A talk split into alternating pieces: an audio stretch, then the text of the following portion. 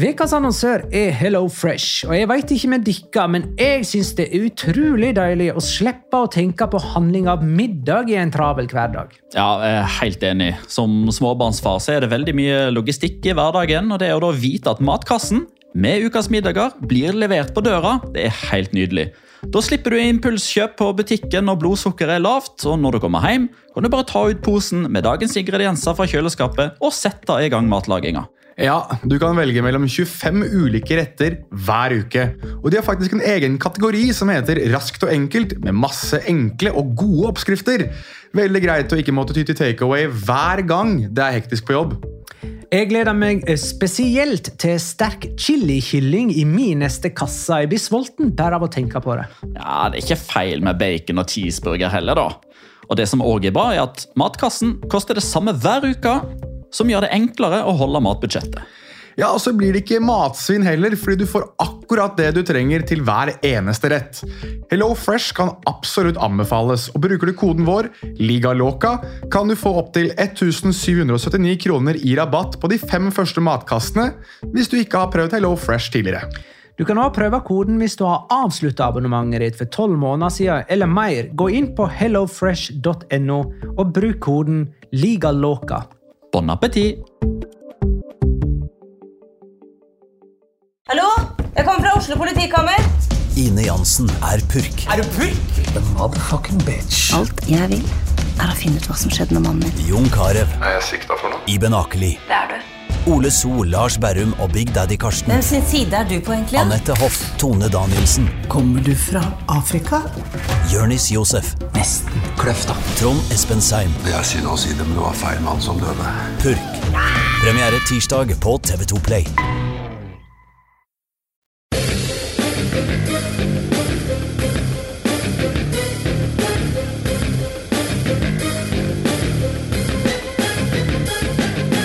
Har du sett?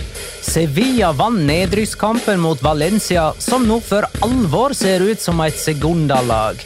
Atletic er best i Baskeland, i alle fall for ei helg. Og dagen før Real Madrid reiser til London, får de et par barske knyttneveslag av Barcelona-president Juan Laporta.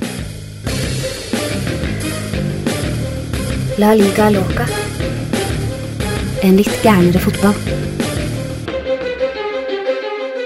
Ja, ja, ja, dette er La Liga Loca episode 247 av det ordinære slaget med Petter Wæland, hei. Hei! Jonas Giæver, hei. Shalom and home. Og Magnar Kvalvik, hei. Halla, Magnar. Hei, Magnar. Alle i Oslo sentrum. Vegard Hoel spør fins det noen form for La Liga-pub i Oslo-området. Nei. Der vi befinner oss, altså. Det er vel ikke noen dedikerte La Liga-puber, men det fins vel puber som viser litt La Liga-fotball, eller? Det tendenserte vel en periode til å være ball, Eh, men nå finnes jo ikke ball eh, lenger. Så svaret er vel, eh, er vel nei. For min del så får jeg si at det er liksom litt slitsomt med reise avstand Spydeberg-Oslo hver gang jeg skal se La Liga-fotball. Eh, Så det får liksom være min unnskyldning for at jeg ikke har starta det initiativet, da. Ja, jeg tror nok at hvis man har veldig lyst Altså Hvis folk har veldig lyst til det Det er jo litt sånn Jeg legger merke til at veldig mange har lyst til å se La Liga-fotball sammen med andre når det er store kamper. Og det synes jeg er veldig kult. Men hvis folk har lyst til at det skal være et sted som er på en måte et La Liga-samlingspunkt, så må man nesten si fra om det, for da vet jeg nok om i hvert fall ett sted som ville vært uh, mottagelig for det. At man kan få et hjørne, at man kan få noen skjermer for å se La Liga-kamper. Um, men da må man uh, holdt på å Da å må man akseptere Kadis og Almeria og Retafe iblant òg. Man må nok det da. Og så Magne var inne på det i introen sin. Det er, jeg lurer på om det kan være at det er en del som forsvinner unna når Valencia spiller Segunda neste sesong. Faktisk. Men du skal ikke nevne på den plassen. Du Jo, skal- jeg kan godt si, jo det, det jeg tenkte på, er pokalen. Altså Ja. Pokalen i Vulkan. Der er de veldig mottagelige for å vise mye forskjellig. Eh, men det er ikke liksom Det er det stedet jeg ville valgt da hvis jeg skulle fått mange folk til å se La Liga-fotball på samme sted. Vi hadde en quiz der en gang. Det hadde vi. flere, faktisk. Ja. Vi hadde faktisk en eh, du, ikke, du kunne ikke delta den gangen, men vi hadde jo også et stevne der for ikke så lenge siden. På El Derbi Madrileño, som var veldig suksessfullt. Mm. Det, var, det var de veldig glad for. Så det, jeg regner med at det, de vil synes det er hyggelig, men som sagt, da må folk eh, Hva heter det for noe? Altså, du samler deg, eller du lager en eh, front om at man ønsker dette. Eh, hva heter det i disse streikedager? Det heter et eller annet spesielt, men jeg glemmer det nå. Ha, eh, jeg veit ikke. Nei, Mens du finner på det ordet, så vil jeg ta, ta ordet og be om beklagelse. Oi! Fordi for første gang siden vi starta La Liga-lokka i 2017, så møter jeg etter mine standarder uforberedt til sending. Oi! Det er tre, tre kamper av ni. Jeg veit ikke engang sluttresultatet. Å, kult! Da kan jo du Så nå gleder jeg meg til kamp for kamp, Magnar. godt etter når jeg går gjennom runde 29, kamp for kamp. Vent litt, ok, kan, vi, kan vi gjøre en liten sånn greie med at Petter faktisk da lager en lyd for de kampene han da finner ut resultatet av underveis? Gjør et eller annet. Ja, ja, det er greit. Ja. Ja. Ja. Eh, Celta Vigo Mallorca. Ja, det er jo da tre av ni, og derfor jeg poengterte tre av ni. For den skal jeg se i kveld. Ja.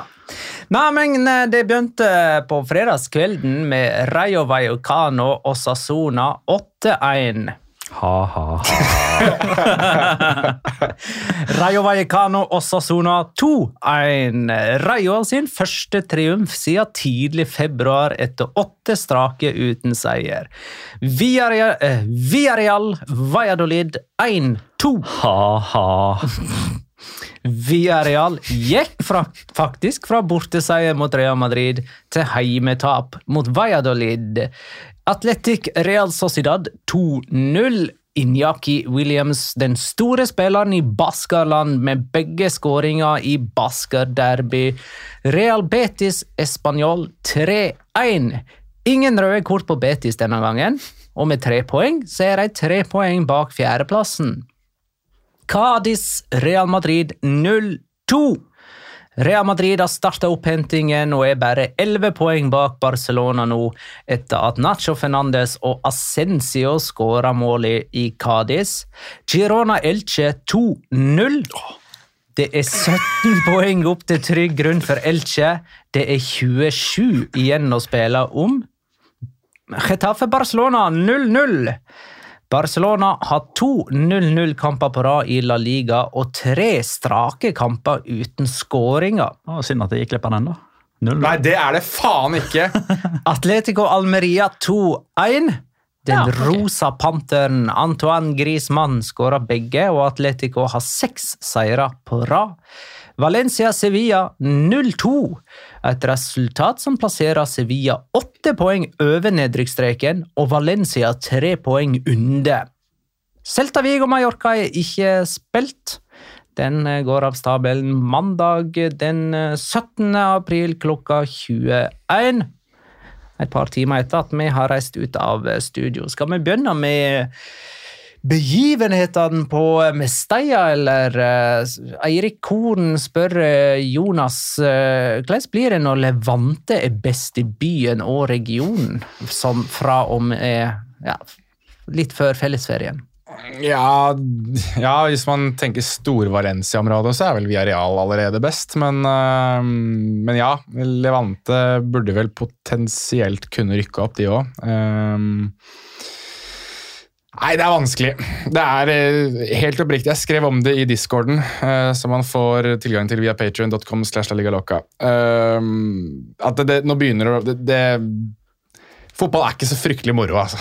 Det er eh, veldig rart å sitte og se på et lag som veldig åpenbart kommer til å rykke ned nå. Altså det eh, og det er liksom, uansett, Jo mer du sitter og ser på det, så er det liksom, det er ikke no, noen andre enn Valencias feil. og Jeg legger merke til at hele regionen, holdt jeg på å si, i hvert fall alle i, i Valencia by hyler og skriker om dommertabber. og Javier Solis, denne direktøren, sto på spansk TV og snakket om at de ble rana, og at dette er en skam for fotballen. og men det er liksom sånn den, den driften da, av Valencia de siste fem årene er en skam for fotballen, det òg. Men det er ingen som påpeker det tydeligvis internt i Valencia. I hvert fall ikke utad. da.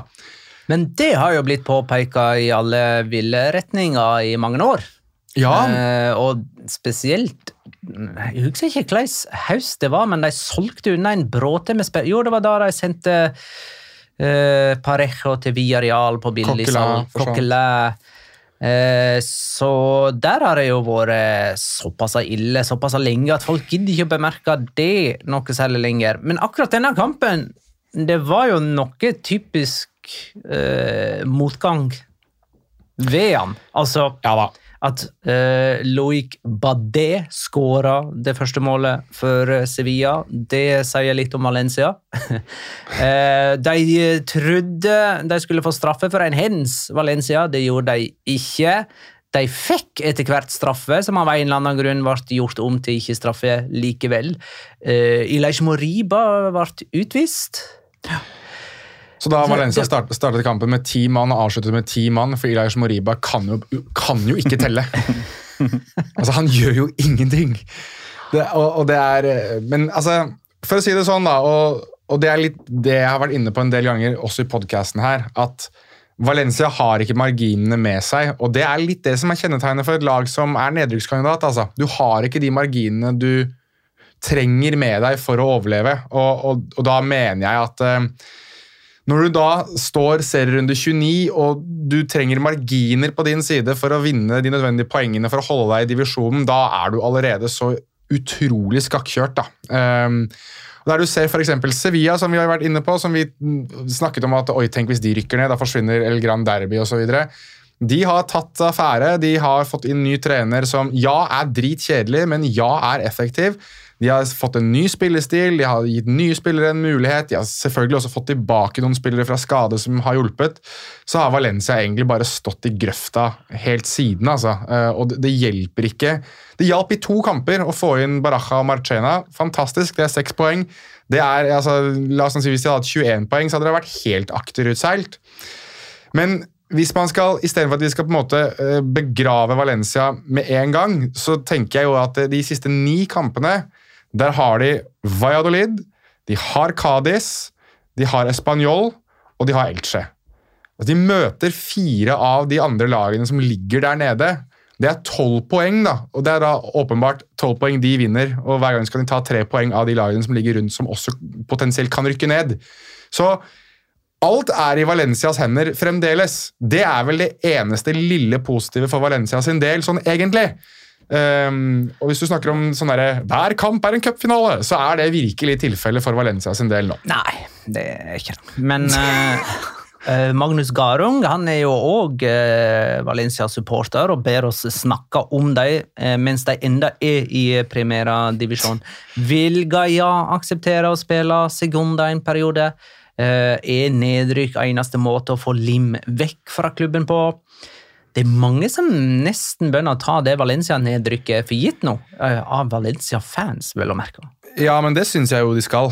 Um, ja, men virke, altså virkelig Ja, men altså, det, det er forskjell på å ta det for gitt og det å se døden i hvitøyet, liksom. Ja, altså, men, men helt seriøst nå. altså Vi har kødda mye med det, og man går og snakker om at jeg er sånn som garantert og tull og fjas og alle greiene der. Men altså Kom igjen. Nå mener jeg at det er ikke jeg, Nå har jeg sagt at det er de fire kampene, da. Av, de fire kampene de har igjen, altså mot de lagene der, så må de, mener jeg, ha minimum ti poeng for å overleve. Og Det er da tre seier og én uavgjort. Det klarer ikke Valencia slik det er akkurat nå. altså. Valladolid i seg selv, altså vi skal sikkert litt inn på de, men de har, de har virkelig fått ny giv med Pezzolano. Der, der er jeg utrolig imponert. Sånn, Der ser det ut som en helt ny klubb, de, etter at uh, de fikk han inn. Uh, Cádiz de er tøff nøtt, altså. Og de, Hvis de virkelig har dagen, så kan de egentlig steamrolle Valencia, uansett om det er hjemme eller borte. Es Español tror jeg Valencia fort kan slå. Jeg syns ikke de ser sånn kjempespennende ut. Og, og Elche har Valencia hatt problemer med helt siden Elche rykket opp. Men uh, Jørn Henland uh, ber oss uh, spå hvordan serierunde nedrykket til Valencia blir klart. Jeg, jeg, tror det, jeg tror det er 100% klart i den 37. serierunden. Så de spiller er ikke før møter eh, Spanjol. Ja, men jeg tror det er der det blir klart. Jeg Ja, tror, det blir klart runden før. Nei, altså Det blir klart når den kampen er over. Ja, altså runden før sesongen er ferdig. Ja, Ja. riktig. Så bortekampen mot Betis kommer til å være av betydning. Det blir begravelse. Ja, Ja. Men, jeg tror at, men jeg tror helt seriøst at de rykker ned på hjemmebane mot Español når de spiller uavgjort der. Da er det no way back. Petter? Interessant. Ja, nei, Jeg har jo sagt at jeg tror at de holder seg, og det, Ja, det- det... står jeg med fram til det er matematisk umulig. Ja, jeg eh, sier at de rykker ned i siste runde. En, og, så da er det, eh, da er det nedskrevet. Så vi er i hvert fall, du og jeg er i hvert fall enige om at de rykker ned, i hvert fall, da, Magnar. Jeg ser for meg et sånn her uh, Viareal-type drama fra 2012 i siste serierunde. Ja, men Det, det kommer, kommer ikke til å bli gjentatt ennå, det nå finnes VAR. Så Raoul Tamodo kan ikke skåre i offside-posisjon. Sa en bitter Petter Wæland. Ser man utelukkende på poeng i snitt per kamp, så har Gattusso vært Valencias beste trener denne sesongen. Ja, det er jo, De er ikke så fryktelig mange trenere denne sesongen. her da. som- Tre. Ja, Vårå tok null poeng. Ja, ja. Eh, Baraja har 0,8 poeng per kamp, og Gattuso hadde 1,1. Syns ikke Gattuso var så fryktelig ille, men uh... Nei, han var deres beste trener denne sesongen, hører du. uh, mens Sevilla har jo måttet gjøre et par forsøk på å finne sin gullkalv, da. Uh, Redningsmannen, tenker vi kaller han for. Ja. Gråkalv er vel det du skulle inn på i så fall. da. Eh, altså, Etter at Mendelibar eh, tok over for Sevilla, så har de eh, nå like mange borteseiere som under Lopetegi og San Pauli til sammen. Det vil si to. På to mulige under uh, Mendelibar. Men det- de var to poeng over nedrykk da han tok over. Nå er de åtte.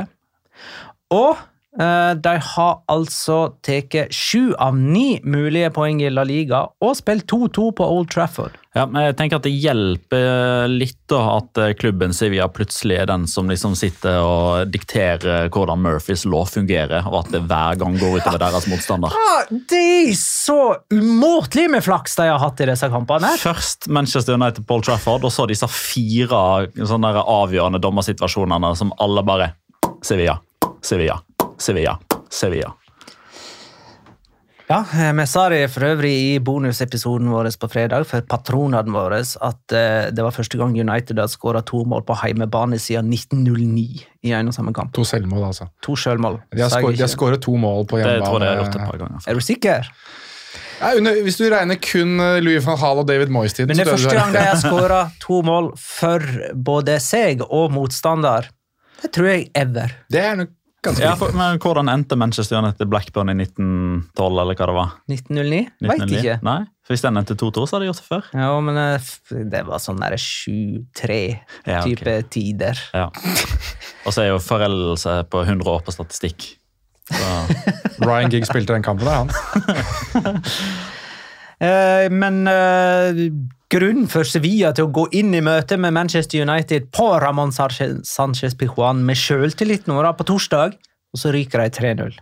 du skal ikke se bort ifra det, men ja, altså, vi, vi pleier å gjøre eh, hva skal jeg si, eh, engelske supportere en tjeneste iblant med å fortelle litt om status på de spanske. Eh, men eh, kan ikke alle Sevilla-supporterne nå få litt skadeoppdateringsstatus på Manchester United? Hvordan står det egentlig til der? Ja, Hvordan gjør, står det egentlig til? Altså nå, Sabitzer røk jo plutselig ut i oppvarminga eh, nå mot Nottingham Forest og ble erstatta av Eriksen. Jeg har ikke lest eller sett om det er noe nytt rundt hans status, men han følte seg visst ikke bra eh, og gikk ut. Eh, Varan er ute.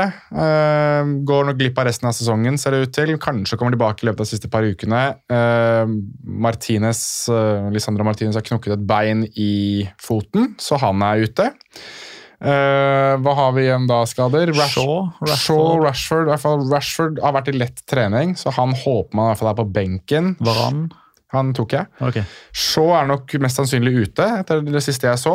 Og så er Bruno Fernandes suspendert. suspendert. ja. suspenderte. Det er riktig. Så der har du det. Så det er um, Det er uh, Jeg mener Sevilla har alle muligheter jeg, til å slå ut Manchester United. Altså Selvfølgelig, United er favoritter, men Ramón Sánchez Pijuan, Europa League det, er, uh, det ligger jo litt an til at Sevilla tar det der, da, syns jeg. Sånn historisk messig. Og historikk er uh, Sevilla glad i å bruke. Vi hopper til Getafe Barcelona, som altså endte 0-0 på Colosseum, Alfonso Perez. Det er tredje gangen på rad at Barcelona reiser derifra uten skåring, faktisk. Og de har altså nå eh, gått målløse av banen i sine tre siste kamper. De tapte jo 4-0 for eh, eh, Real Madrid i Copa del Rey-semifinalen. De spilte 0-0 hjemme mot Girona og nå 0-0 mot eh, Getafe, og det er første gangen siden 2008 at de går eh, målløse av banen i tre strake kamper. Uh, Georg Kirilov spør, uh, eller uh, gir oss en utfordring med å nevne tre ekstremt kjedelige gjæremål vi heller hadde gjennomført enn å se Getafe Barcelona i reprise. Skal vi ta ett gjæremål hver? Ja, altså Jeg har jo allerede i dag gjort tre ting som jeg syns er kjedeligere. fordi Det er jo årsaken til at jeg ikke har sett Retafe Barcelona ennå. Det er å ta ut eh, hagemøbler. Det er å vaske en eh, vegg på utsida. Ta ut hagemøbler, det er ikke ikke det ut nå? Altså ta det ut på Ja, ta ut ja, hagemøblene, men, for de har stått inne i Sorry, garasjen. Ja, jeg misforsto. Jeg tenkte at når du tok ut, så var det at da forsvant det igjen. Men jeg tok ut for at nå skal det være sommer. Ja. My bad. Go on til dere som har hage. Eh, ja, Sa jeg ikke tre ting nå? Nei, jeg sa to. Uh, ja, Da har jeg, to, da har jeg nominert to ting.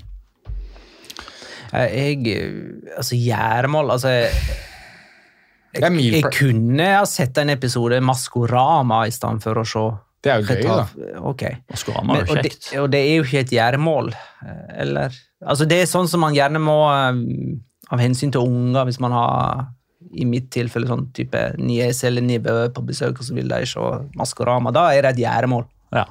Men uh, på jobb så må jeg føre sånne timelister, og det er skikkelig kjedelig. Reiseregning tenker jeg kanskje står høyt oppe her. Det er noe drit. MBA-registrering, Jonas. Takk for det. Takk for det. Ja, men jeg tar den. jeg gjør det. Uh, jeg skulle faktisk si næringsoppgaven, så jeg, kan- jeg kan jo Men den er vel mer stressende for mitt vedkommende. Men uh, ikke, at, ikke, ikke at jeg har noe feil, men jeg veit ikke en dritt av hva jeg holder på med når jeg prøver å gjøre den. Det er det eneste. Uh, Og Derfor er vi sponsa av Fiken! ja, det her kommer Fiken-reklamen vår! Nei, jeg skulle, jeg skulle si meal prepping.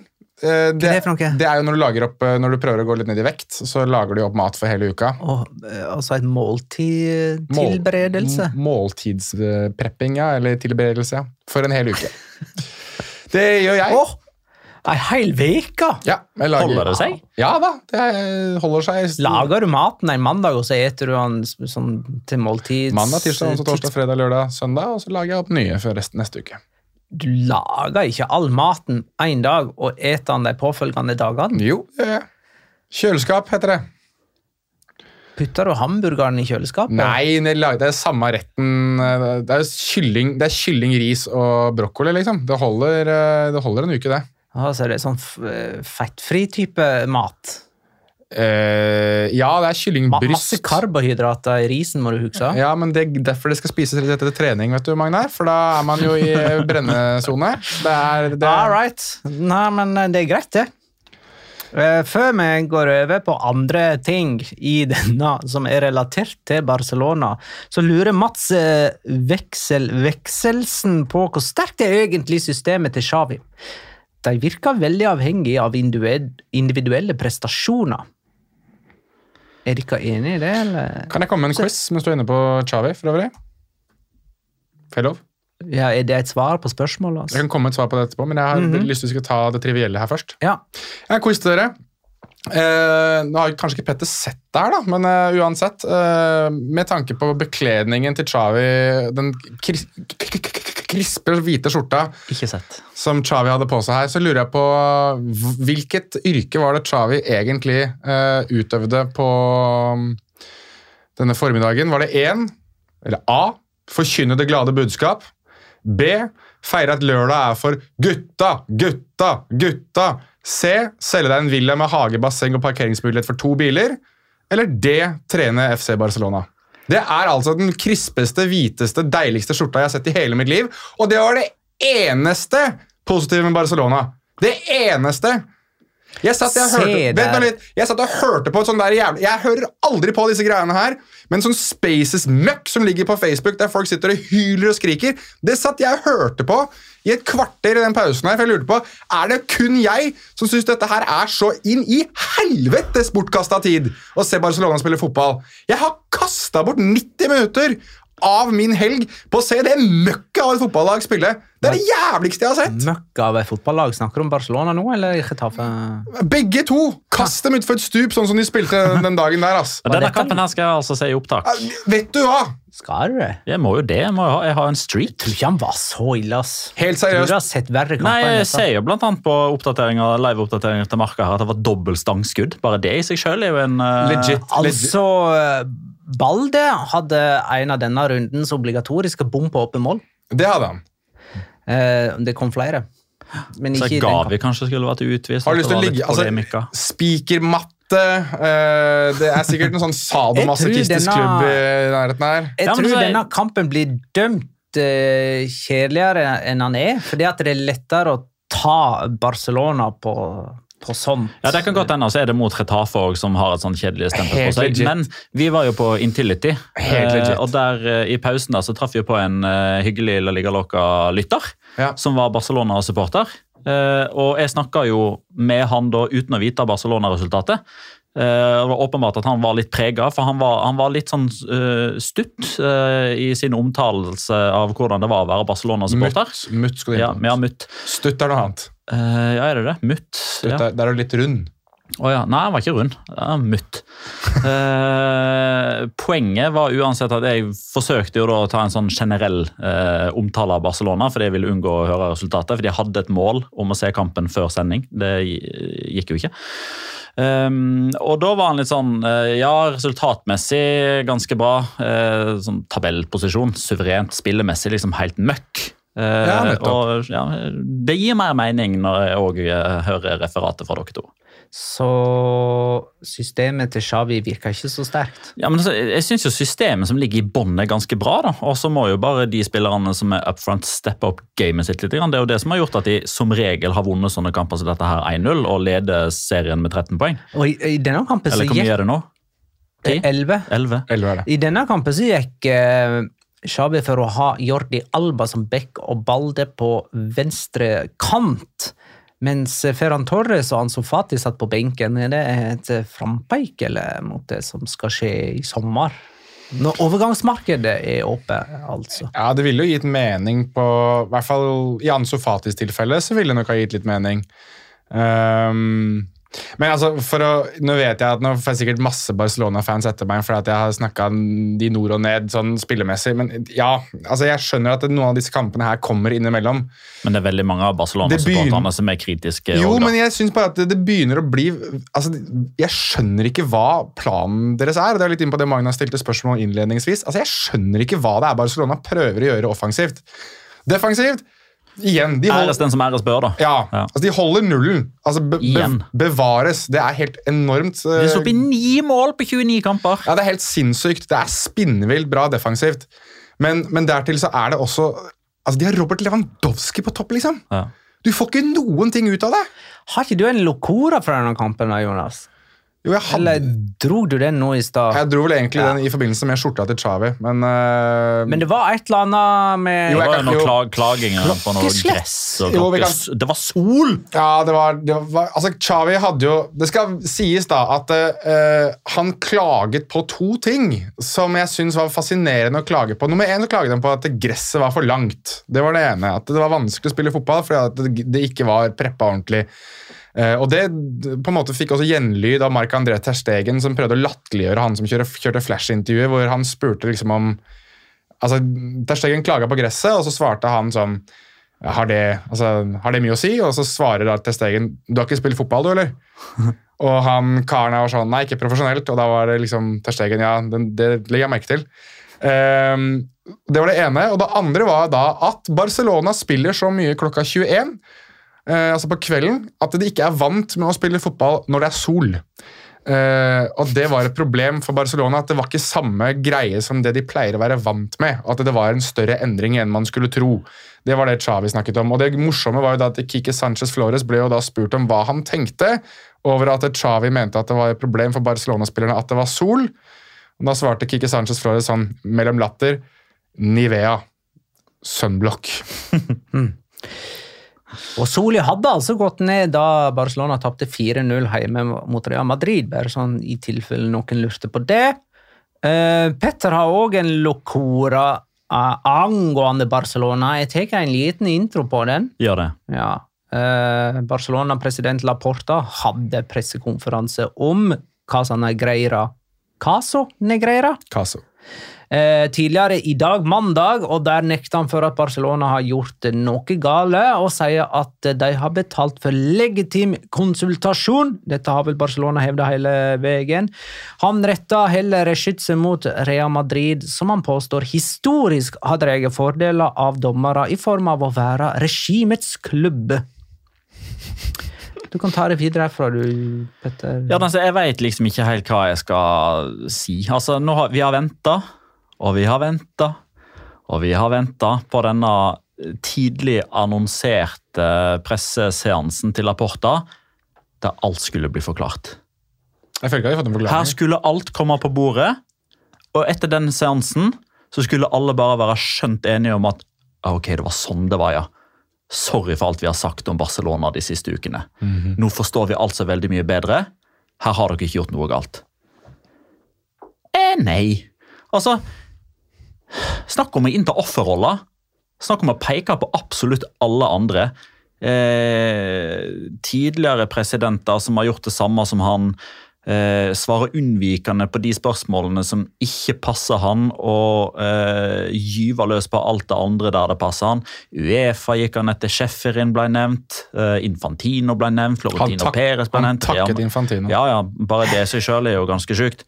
Eh, Real Madrid ble selvfølgelig kasta under bussen. Ab altså, ab dette her er absolutt alle andre sier feil enn Barcelona. Og det som egentlig På en måte så er det litt sjokkerende, på en annen måte så er det ganske eh, egentlig slå inn åpen dør at Laporta velger å gjøre det. men eh, han begynner å snakke om timing, og at det er påfallende at alle disse sakene her kommer når Barcelona begynner å se enden av tunnelen, når de begynner å se lyset på andre sida av den mørke tida som de har vært gjennom med post Messi og limite salarial og sånn.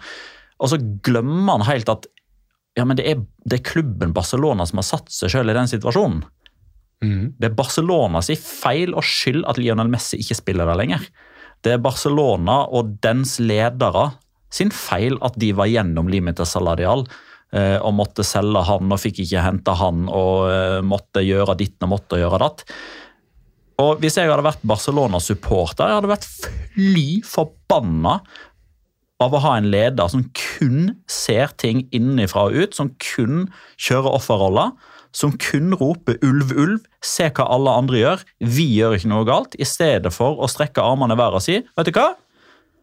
Jeg er helt enig med alle de som sier at vi ikke burde ha uh, hatt uh, visepresidenten i den spanske dommerkomiteen på lønningslista vår.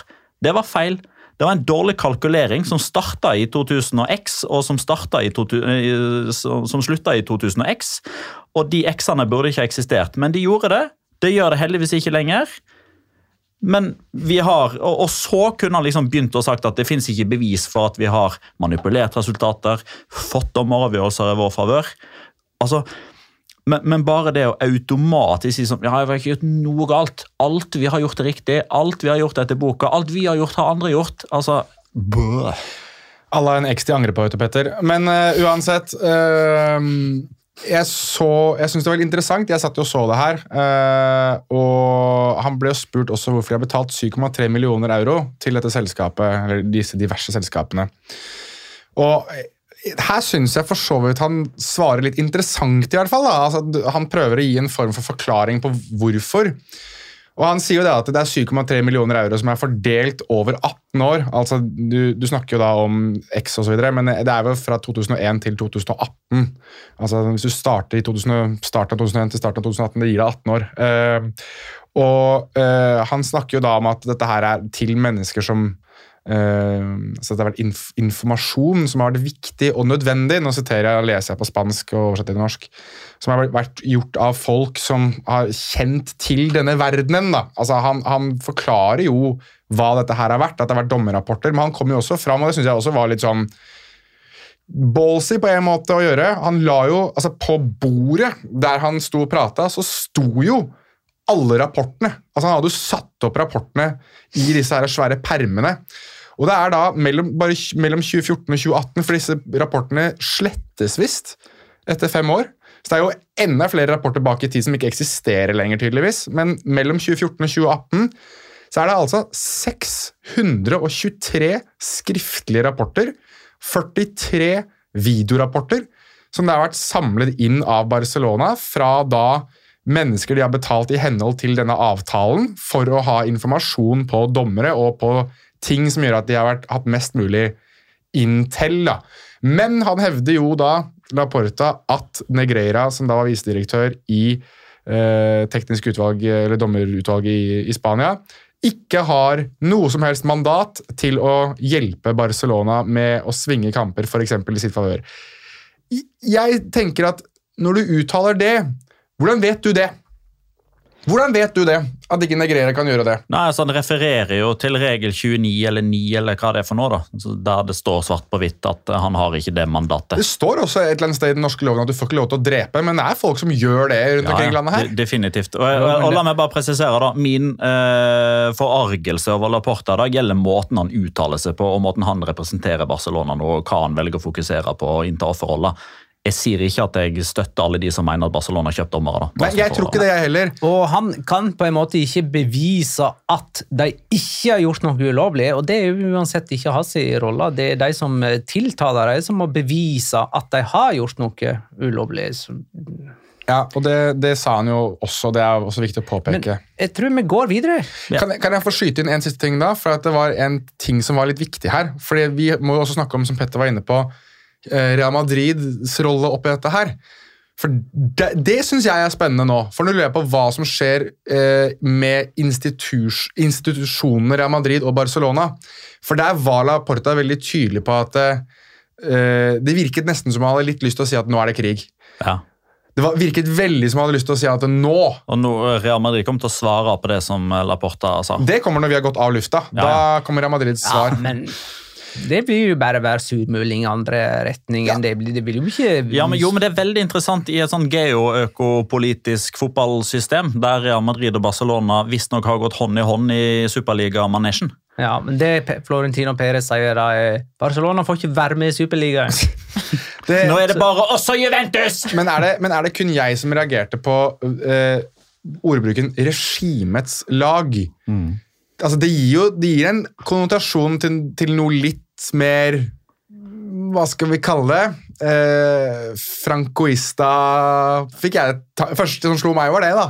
Jo, jo, det- men det, men- det kan godt hende han refererer til, vel? Ja, Jo, jo, men, eh, men jeg håper å si Altså, jeg kjenner ikke bakgrunnen for ordet. Altså, Jeg vet hva det betyr. men i utgangspunktet, Det å omtale noe som et regime vil jeg, omta, jeg, vil si, jeg vil tro at det er nøytralt. Altså, Et regime er nøytralt Du kan når bruke man mange andre begrep på spansk enn regime i det tilfellet her, altså. Jo da, men, men det, det er den spanske konteksten. Men verdenskonteksten, hvis du hører om regime, da tenker jeg Saudi-Arabia, Qatar de, altså, I negative ordelag. De er autorit...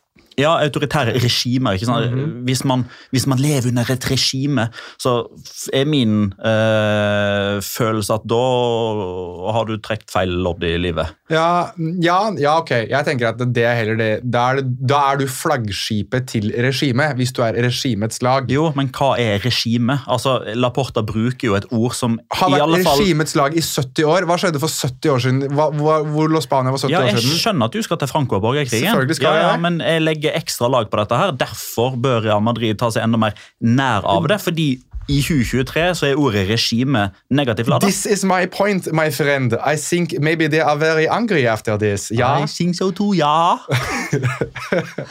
Vi skal til Baskeland, som òg jo levde under et regime i eh, sin tid. Uh, Atletic slo Real Sociedad 2-0 i Basker Derby, og jeg nominerer Injaki Williams med en gang til rundens spiller.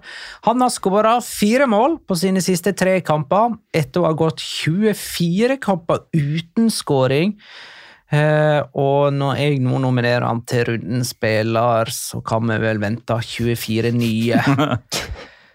Det er ene, Men, eh, ene altså- skåringa hans. Den uh, skåring nummer to uh, var jo på en måte ikke bare sånn tilfeldig uh, type Sånn skåring der ballen eh, spratt eh, rett framfor føttene. Altså, han klarte å krangle han inn. Den skåring nummer to, det er kvalitet.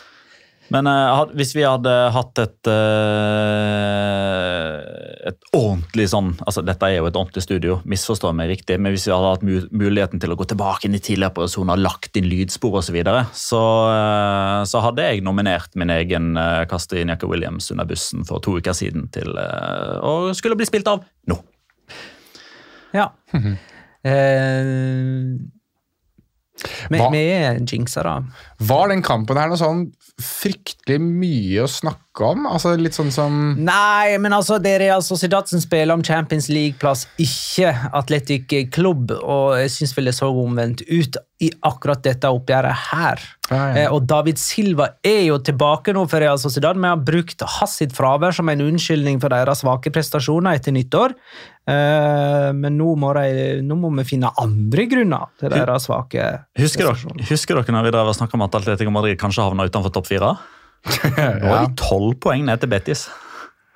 Ja, jeg, men jeg tror faktisk at Betis tar den fjerdeplassen fra La Real nå, altså. Jeg sitter med en følelse av det. Men jeg syns uansett, bare for å ha lagt det ved, da, at uh, uansett om det er Real Sociedad eller Real Betis, så er det fryktelig mye mer gøy enn hvis Via Real spiller Champions League. Jeg beklager, Petter, men jeg har lyst til å se en av de to andre spille Champions League òg. Full respekt for det. Eh, Real Sociedad møter Vallecano nå til helga, og så skal de til Hva er det? Nei, nei. Nei, bare, jeg og Petter hadde en greie på Vallecano nylig. Så Rayo.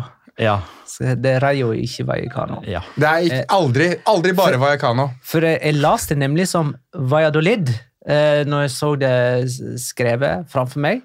Og så begynte jeg på Valladolid, og så ble det Vallecano. Når jeg innså at det var Rayo. Trodde du jobbet for rettighetshaveren plutselig. Ja. Real Sociedad møter Rayo til helga, og så skal de til Benito Via Marin runden etter.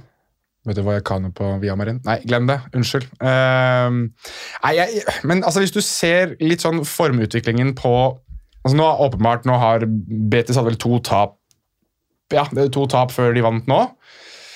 Jeg syns Betis ser ut som de har litt mer pep in their step. da, Selv om nå er det jo blitt klart at uh, Canales utestenges da, i eh, de kampene.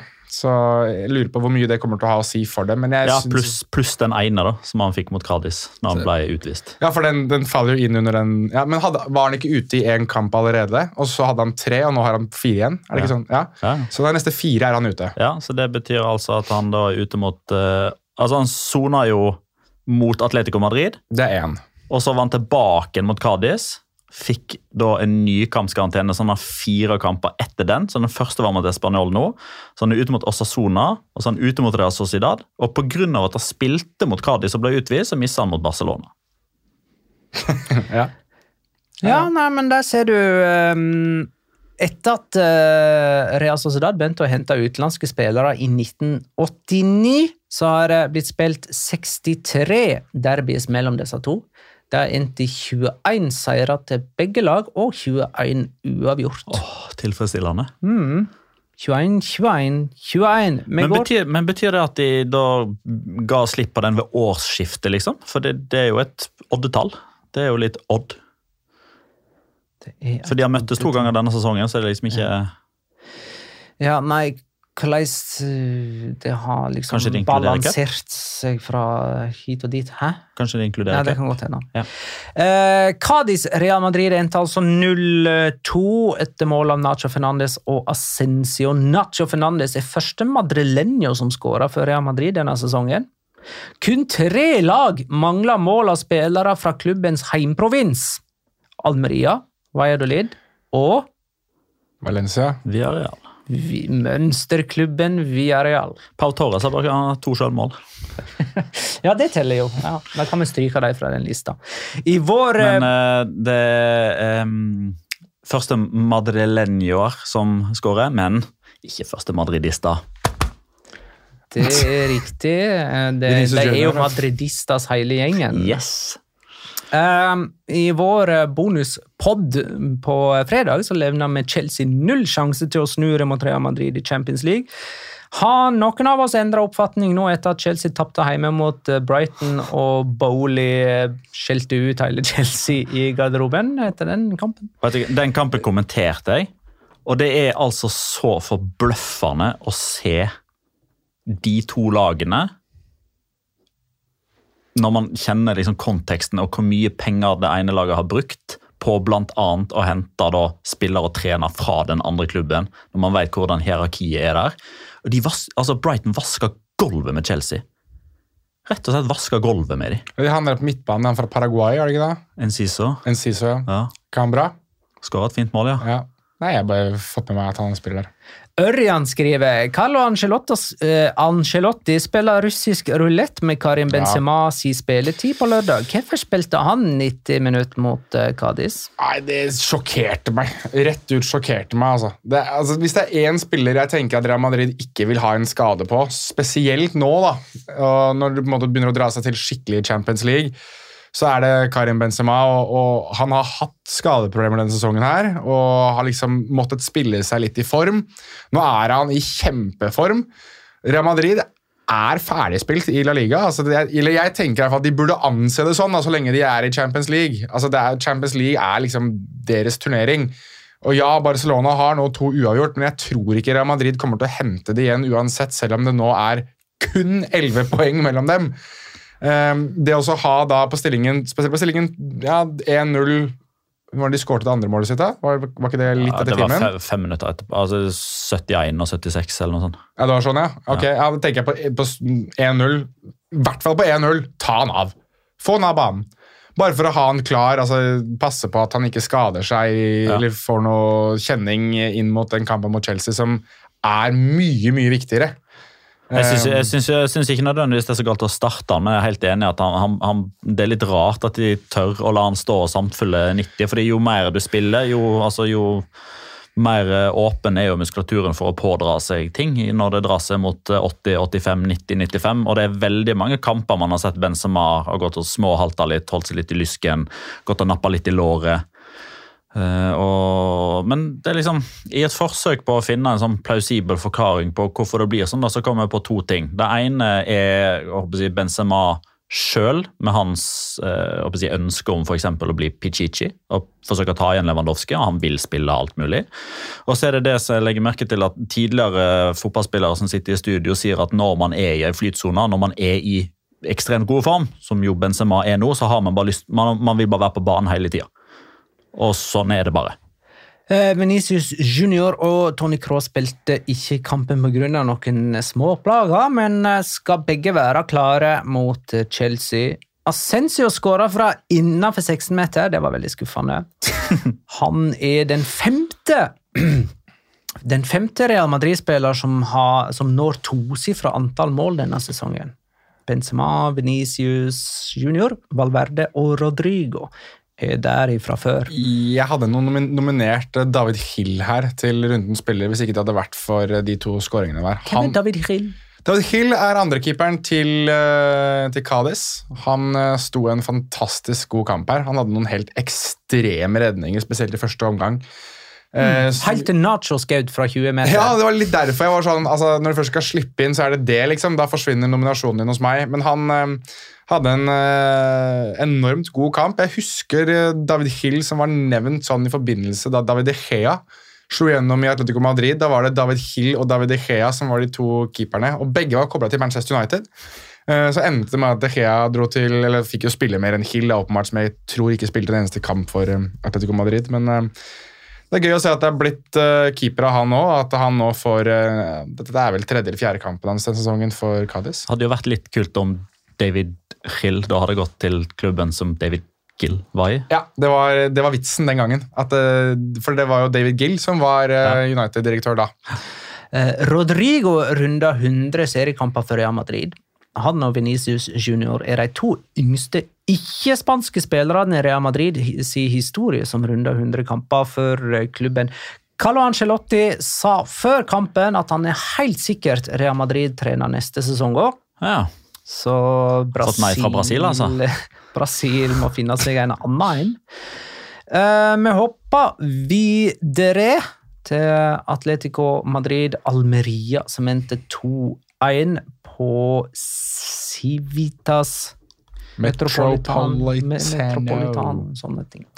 Uh, VAR-kofferten er tilbake. Så dere det, eller? Den er nå uh, på Metropolitano. Det er eh, Her må faktisk du eh, drive begivenhetene fram, Magnar. Fordi eh, litt sånn som eh, godeste Petter Wederland, så har jeg faktisk ikke sett den kampen der. Eh, Almeria fikk eh, dømt en eh, straffe, eh, og så ble eh, på stillingen 2-1 til Atletico. For en hens, eh, men så gjorde videodommer hoveddommer oppmerksom på at det kan ha, kunne ha vært en offside i forkant eh, der. Eh, og så gikk da dommer ut for å se den situasjonen, og da lå VAR-kofferten gjemt i ei lita bu. Så noen måtte løfte opp lokket på den, og dommer sto eh, over eh, denne kofferten og så ned i en skjerm som lå gjemt nede der, så ingen spillere kunne flakke seg rundt for å se. For den eh, skjermen den lå gjemt nedi i kofferten. Det var tilfredsstillende. Kan jeg, kan jeg stille et spørsmål her? Uh, siden jeg, jeg har ikke sett noen ting fra den kampen her.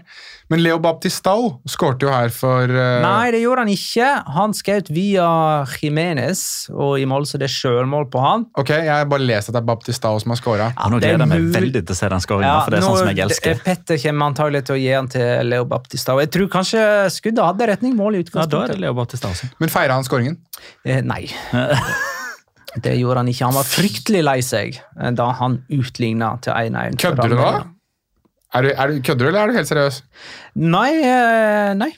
Det var opp med begge håndflater og, Hæ?! For han spilte jo for Atletico Madrid. I fem kamper, i eller?! fem kamper i 2009 eller noe.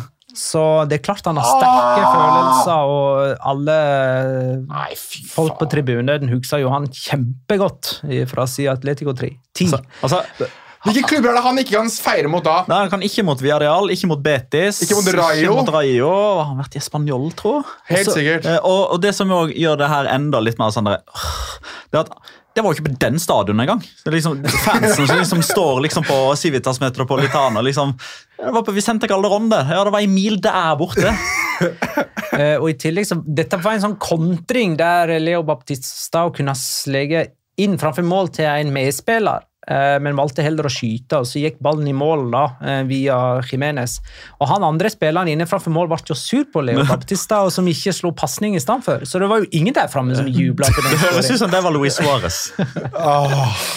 Eh, ingen har skåra flere mål på corner enn Atletico denne sesongen, faktisk. Men tilbake der nå. Uh, litt sånn The Grizzly. Bears are back. Uh, og Atletico har skåra det første målet eh, flest ganger denne sesongen, med 23. Men de har avgitt poeng i fem av dem. Det er ti tapte poeng der, da, hvis man skal tenke at de skal vinne hver gang de skårer først. Petter, det er feil. da. Grizzly Bear? Grevling ser du fram til. Badger er det. Eh, samme det. Eh, hvis det var sjølmål på Jimenez, eh, så har Atletico 99 sjølmål gjennom primæra-historien. Hvis ikke, så har de 98. Snart 100 uansett. Eh, Real eh, Valladolid endte altså to eh, Unnskyld, 1-2 på La Ceramica.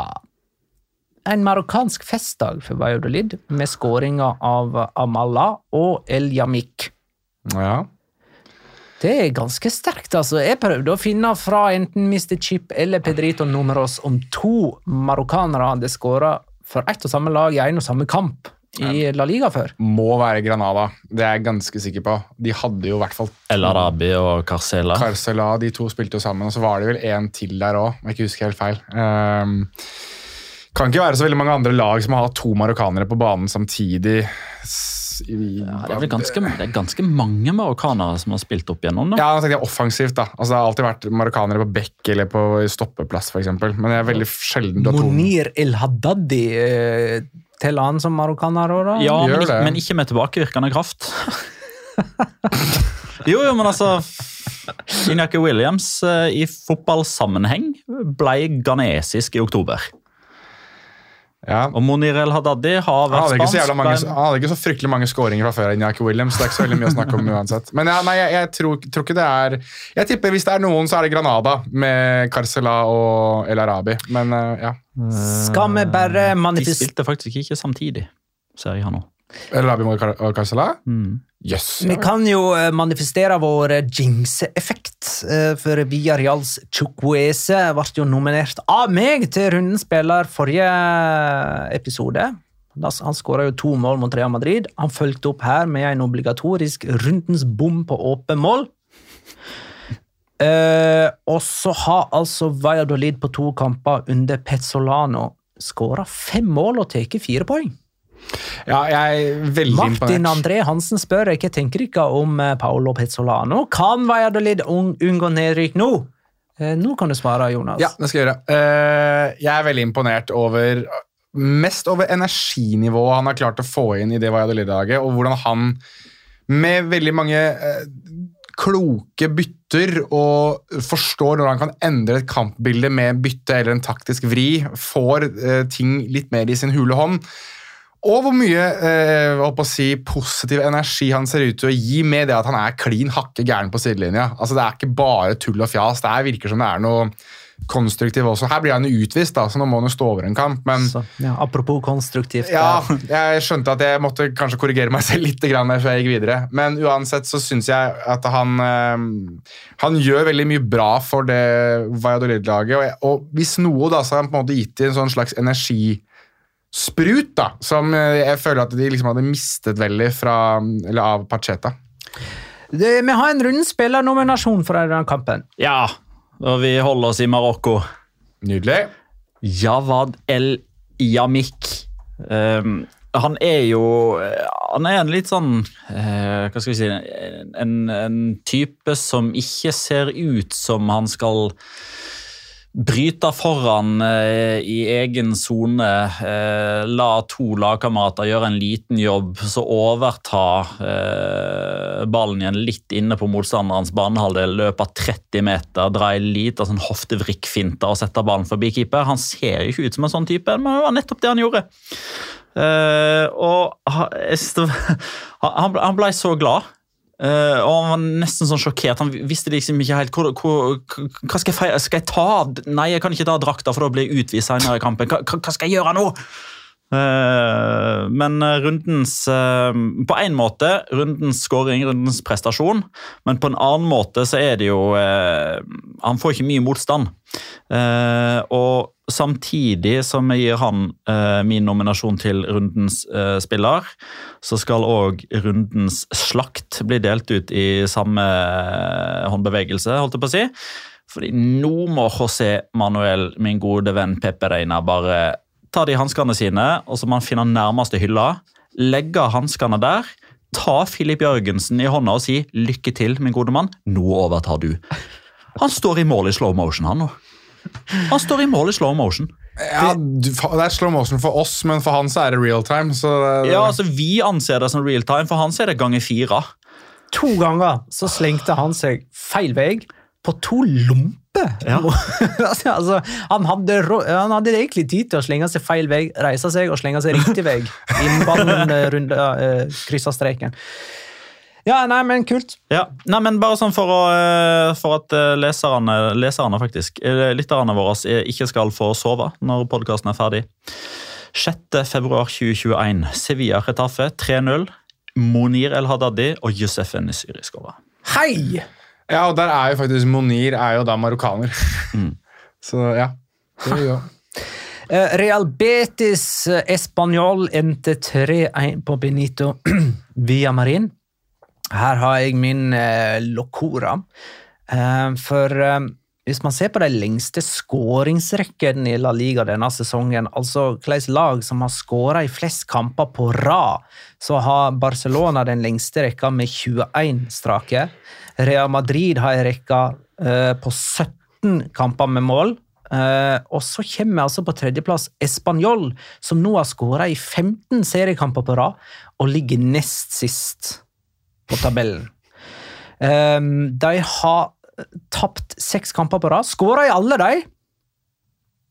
Og har altså ikke fått noen umiddelbar effekt av eh, Luis Garcia, som tok over for to eh, runder siden. Iallfall ikke positiv effekt av det.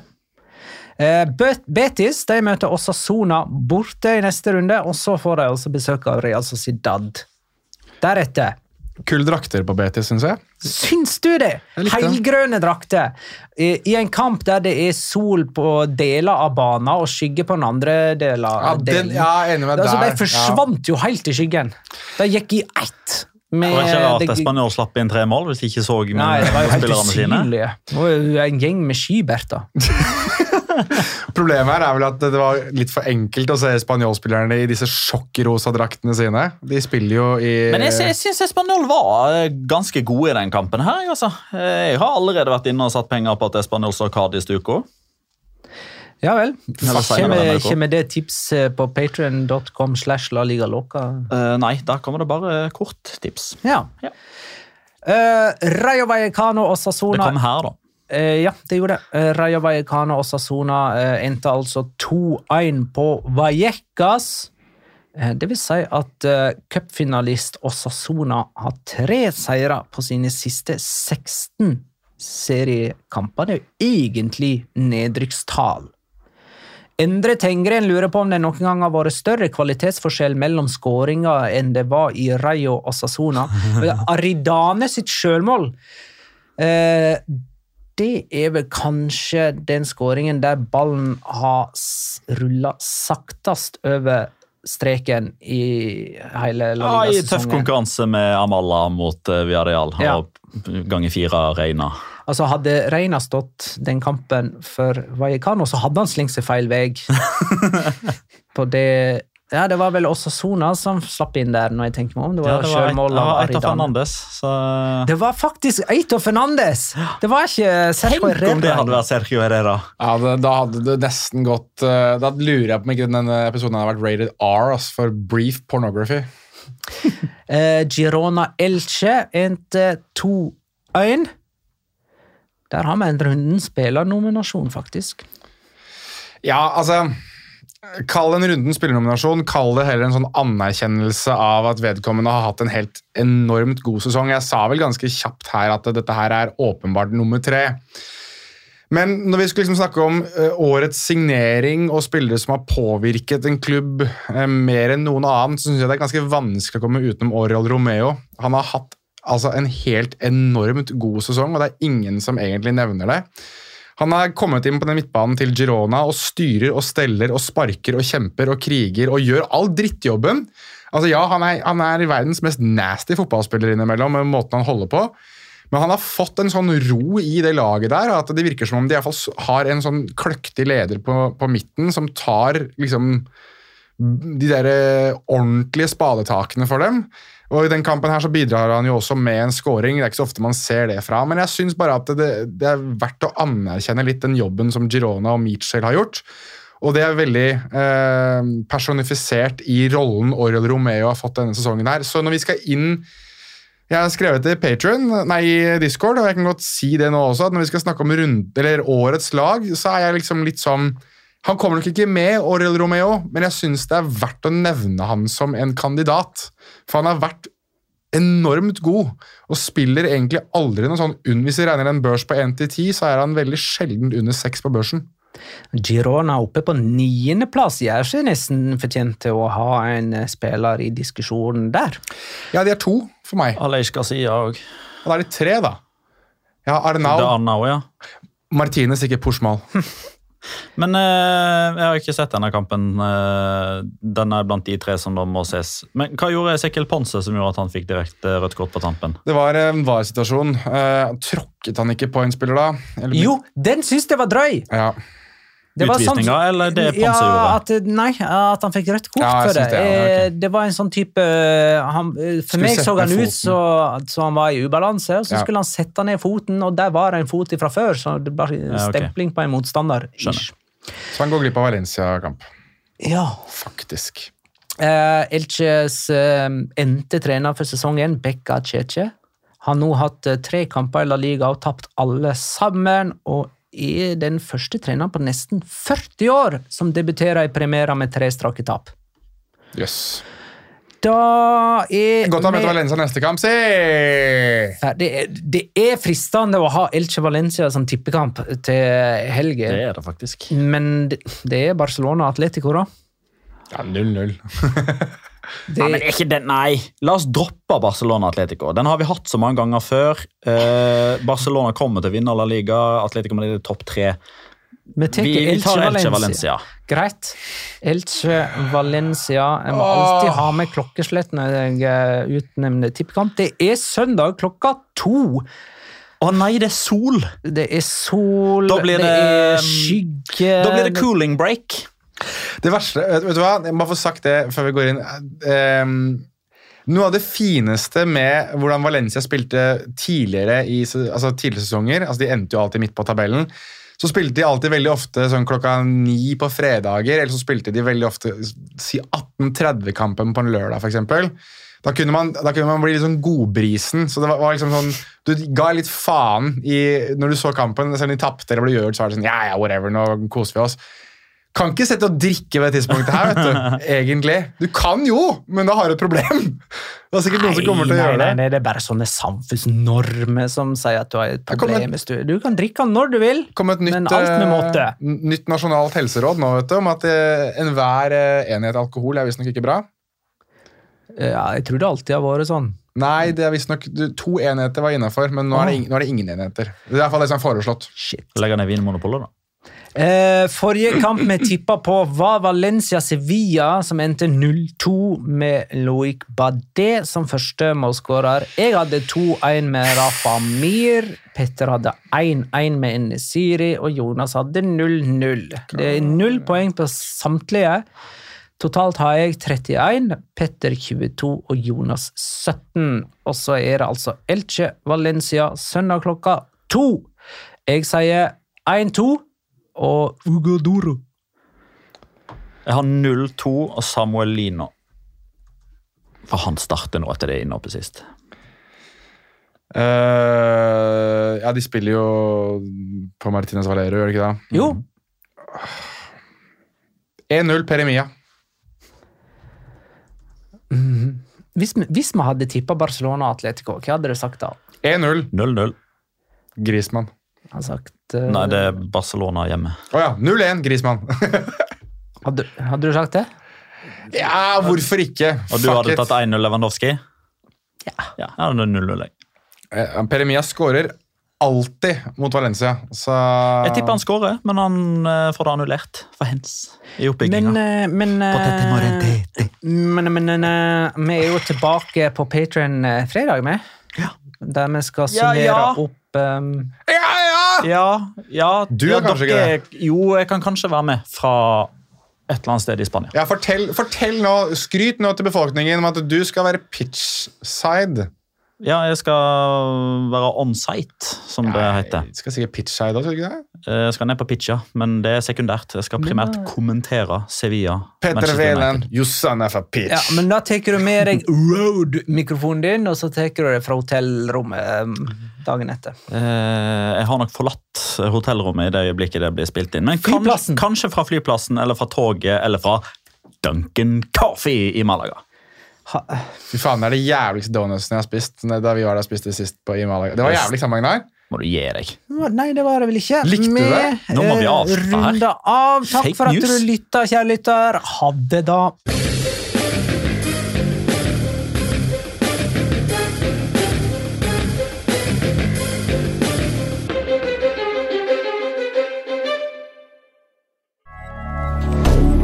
Moderne media. Har du et enkeltpersonforetak eller en liten bedrift? Da er du sikkert lei av å høre meg snakke om hvor enkelt det er med kvitteringer og bilag i fiken, så vi eh, gir oss her, vi. Fordi vi liker enkelt. Fiken superenkelt regnskap.